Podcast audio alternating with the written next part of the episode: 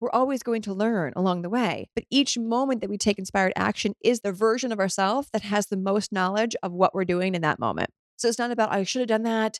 I wish it looked that way. No, it's I took action on something that inspired me and to the best of my abilities with the knowledge and the wisdom and support that I had in that moment. And now I'm here to refine it. I'm here to create something new around it. This is a Soul Fire production. Welcome back to the show, or welcome if you are new. Hi, hi, hi. Oh, we have another entrepreneurial mentor, coach, business owner, whatever you want to call yourself, focused episode today. Because we have been getting lots of requests from entrepreneurs who listen to this. Hey, can we can you get a little more focus on some business tips some business ideas all of that i'm like i got you i got you as an embodied woman embodied woman we are multifaceted women and like i've shared before in other episodes is that like if you're not an entrepreneur it's all good this this episode is going to support you if you know you want to become one and for those of you who are an entrepreneur, this is going to support you immensely.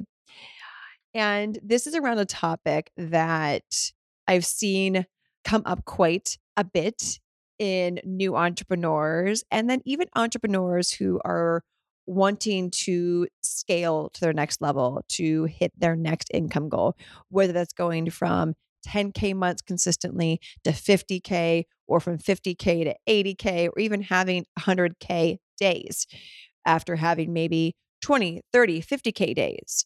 And no matter where you're at, there's always room for refinement on how to get to where we want to go, always.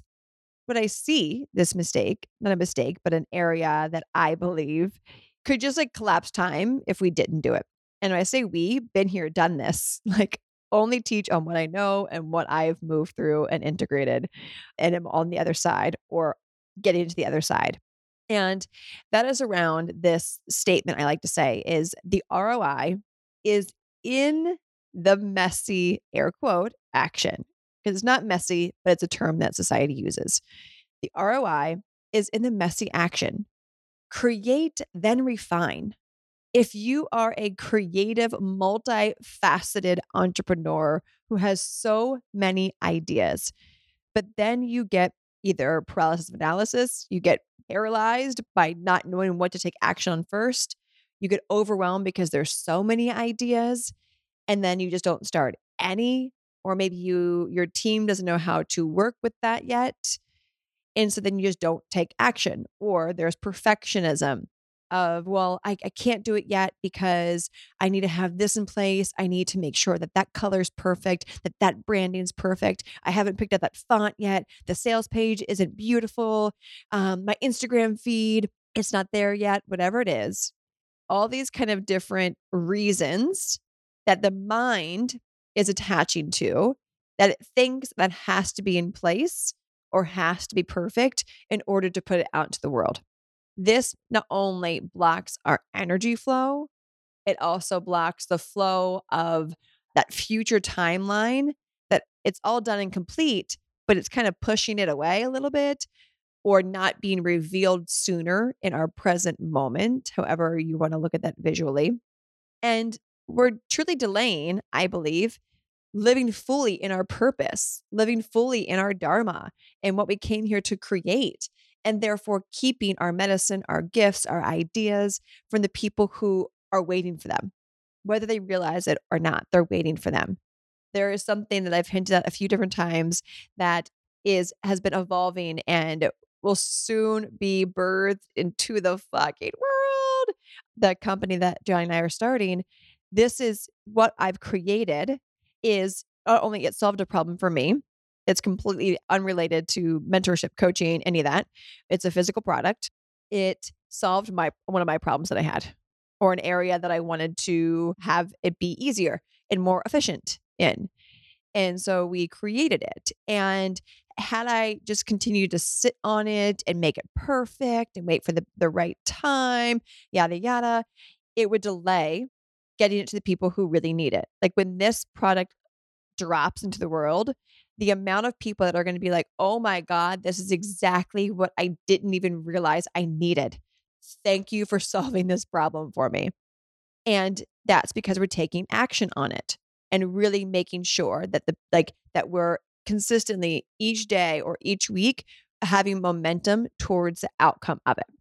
And then knowing once we birth it, there's going to be areas for refinement, right? This would be our first product, just focused product, not like untamed products, focused, completely different company, product based business that we've never done before. So there's absolutely going to be things that we learn along the way that we can refine, that we can improve on, that we don't need, that we learn from, all of that. But thank God I have people in my network and that I surround myself with and masterminds and friends who have scaled to seven, eight figure, multiple eight figure product businesses.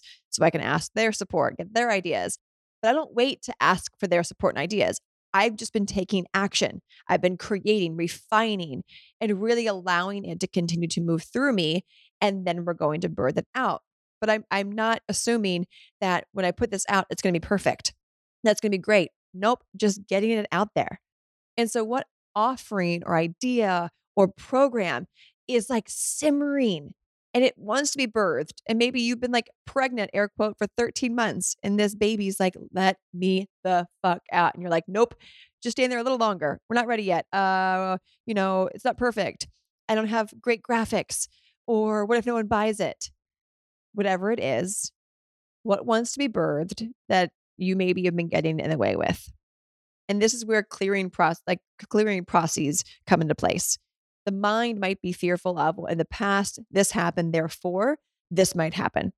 And in a way to protect me, I can't put this out because then I'll get hurt, I'll fail, I'll have shame, I'll have whatever it is.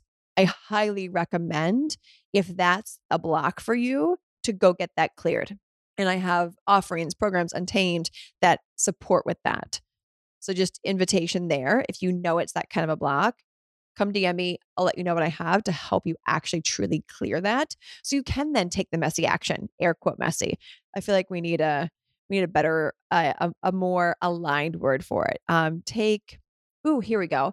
Inspired action, which I say a lot. So that actually works much better. Taking inspired action. This is also something if you are aligned and you work with human design, if you're a manifesting generator, like myself and you have these ideas, it's in your like essence to take inspired action on them, to put them out there and to tweak along the way. This is where having a solid team in place to kind of clean things up after you is a game changer. For me, my team knows that like when I get into like creative flow, whether I'm like ovulating or just the astrology, it's like like it's just right they know that when I'm in that creative flow, I'm just going to want to put things out and we're going to build things, not out into the world, but we're going to build a new funnel, a new freebie, a new opt in, a new program because it wants to come through me and I'm not going to like just like stop it.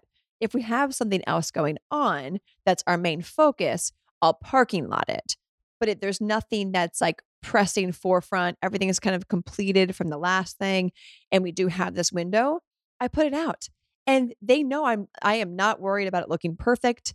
I am not worried about giving them spelling errors on my end or to have the landing page be perfect the first time it's presented to me. No. They know the pace that I move at, I'm just going to keep flowing and and taking inspired action and they're going to implement and they're going to build and they're fucking rock stars. And then we'll look at it all together. I'll provide some feedback, some hey, how about this? How about that? They'll propose some ideas and we'll just keep refining it. But none of us in the team get wrapped up in like, it has to look this way. And oh my God, if it doesn't, we can't put it out. Nope. We just, it's it's a core value to us to make sure that inspired action happens and we'll teamwork it or bring someone in to support us to implement it so it can get to the people who need to receive it. This is such a powerful tool when you have something that wants to be birthed don't sit on it. Either parking lot it with an idea flushed out. So when you come back, you remember what it was. That's why I have I've got two untamed journals sitting beside me right now. The one on my my coffee table is my business one, and this is my notes for the podcast idea podcast episodes, um, the next offering that I'm I'm going to be pre-recording, a funnel that we've got to date people and to support people. And then I have another untamed journal on the floor. This is for my personal ideas, creative ideas. And then there's a journal by my bed. So I, I keep things near me that are anchors to support me with getting ideas out so they don't get stuck in my head and that I don't fall into procrastination or any of those just not supportive loops that keep us from getting out what wants to get out. This is alchemy at its finest, right? Whenever we have an idea that wants to be birthed, we share it, we flush it out, we give it to our team, we build it ourselves if you don't have a team yet, and we see it come to life. And how cool is that? The alchemy of an idea in our head to then turn into a physical thing or a physical offering or a product, that's fucking incredible. Right? We've I for the Untamed Journal, for example, we went through about three different prototypes with different colors and the archetypes in the front kind of stretched out a certain way and maybe screwed to the left and we went through a couple different prototypes and then i'm like all right this is it this is perfect this is perfect for now and over time i'm like oh okay the next journal, I am going to do this kind of spiral instead of this spiral. Awesome. Yeah, okay. I'm going to add a, like a little strap around it. Awesome. But I did wouldn't have known to do these things until I just took action and got the journal out in the most beautiful way I could with what I knew in that moment. Right? This is where we remember like we're always going to learn along the way. But each moment that we take inspired action is the version of ourselves that has the most knowledge of what we're doing in that moment. So it's not about, I should have done that. I wish it looked that way. Oh, I could have done that better. No, it's, I took action on something that inspired me and to the best of my abilities with the knowledge and the wisdom and support that I had in that moment. And now I'm here to refine it. I'm here to create something new around it the amount of entrepreneurs who have built eight, seven figure, eight figure, multiple six figure businesses, they're not sitting around twiddling their thumbs, sitting on an idea. They're delegating the idea, organizing the idea, executing the idea, and then cleaning up along the way. This isn't throwing spaghetti on a wall and seeing if it sticks. That's like below six figure earner. Um, not everyone, broad assumption, but people who are just kind of like not hiring a mentor, not joining a mastermind, not joining a you know a business container, and they're just kind of like, well, I'll just keep trying to figure it out myself, which is fine. Do you? But then what happens is they kind of just take action on a bunch of random shit that's not really inspired action. It's just action because they think they should or they have to, or that's the only way to make money. And then it doesn't work, or they're burnt out, they're exhausted, they're comparing, they're not making a lot of money, they're hitting ceilings again and again and again. It's because they are taking action from a different place, a different state, and not getting support. And so when we really allow ourselves to to make sure that those around us are taking inspired action that creates an upward spiral vortex versus a downward loop spiral. And so, what are you sitting on that wants to be created, that wants to be birthed, and put that out there? It is my my intention to have multiple businesses and each structured and set up in a way that's scalable, that creates ease and pleasure in my life and improves someone else's life products that improve an area. I say solves a problem, but really it's improving an area, creating a more high level, luxurious experience for someone. And then another offering, and then another program. And then I get to let them flourish and fly and live on their own. So I can use that energy to create something else. This is the multifaceted entrepreneur. I've had women come to me who've applied for Expand. Hey, you know, I have three different businesses that I have. They're all doing great. I've got an in-person, I've got a online offering, and then I have an online product. Like, is that okay? Can I scale them all? And I ask, do you love doing all three? Do you love working on all three? Absolutely. Absolutely. And I'm like, great. Then yes, absolutely then. Because they had a team set in place for each of them besides one. So two of them have teams in place that help them really implement so they don't have to be in it anymore, just working on it with them. And then I'm going to help her really scale the third one in a way that we can do the same. So she doesn't have to be in it, just working on it. And so, yes, you can absolutely begin to create these beautiful different streams of revenue in a way that's sustainable and intentional, but you just have to start taking inspired action. And you have to get off the egg that you've been sitting on for way too long. Let the egg hatch, let it be birthed into the world, refine, grow from there. If perfectionism comes up, if self sabotage comes up, that's why it's important to have people around you reach out to them. Hey, right now I'm I'm doubting putting this out. Help. and if you need a boost, go listen to Inevitable, which is our free um, audio. It's a guided visualization where I remind you of who the fuck you are.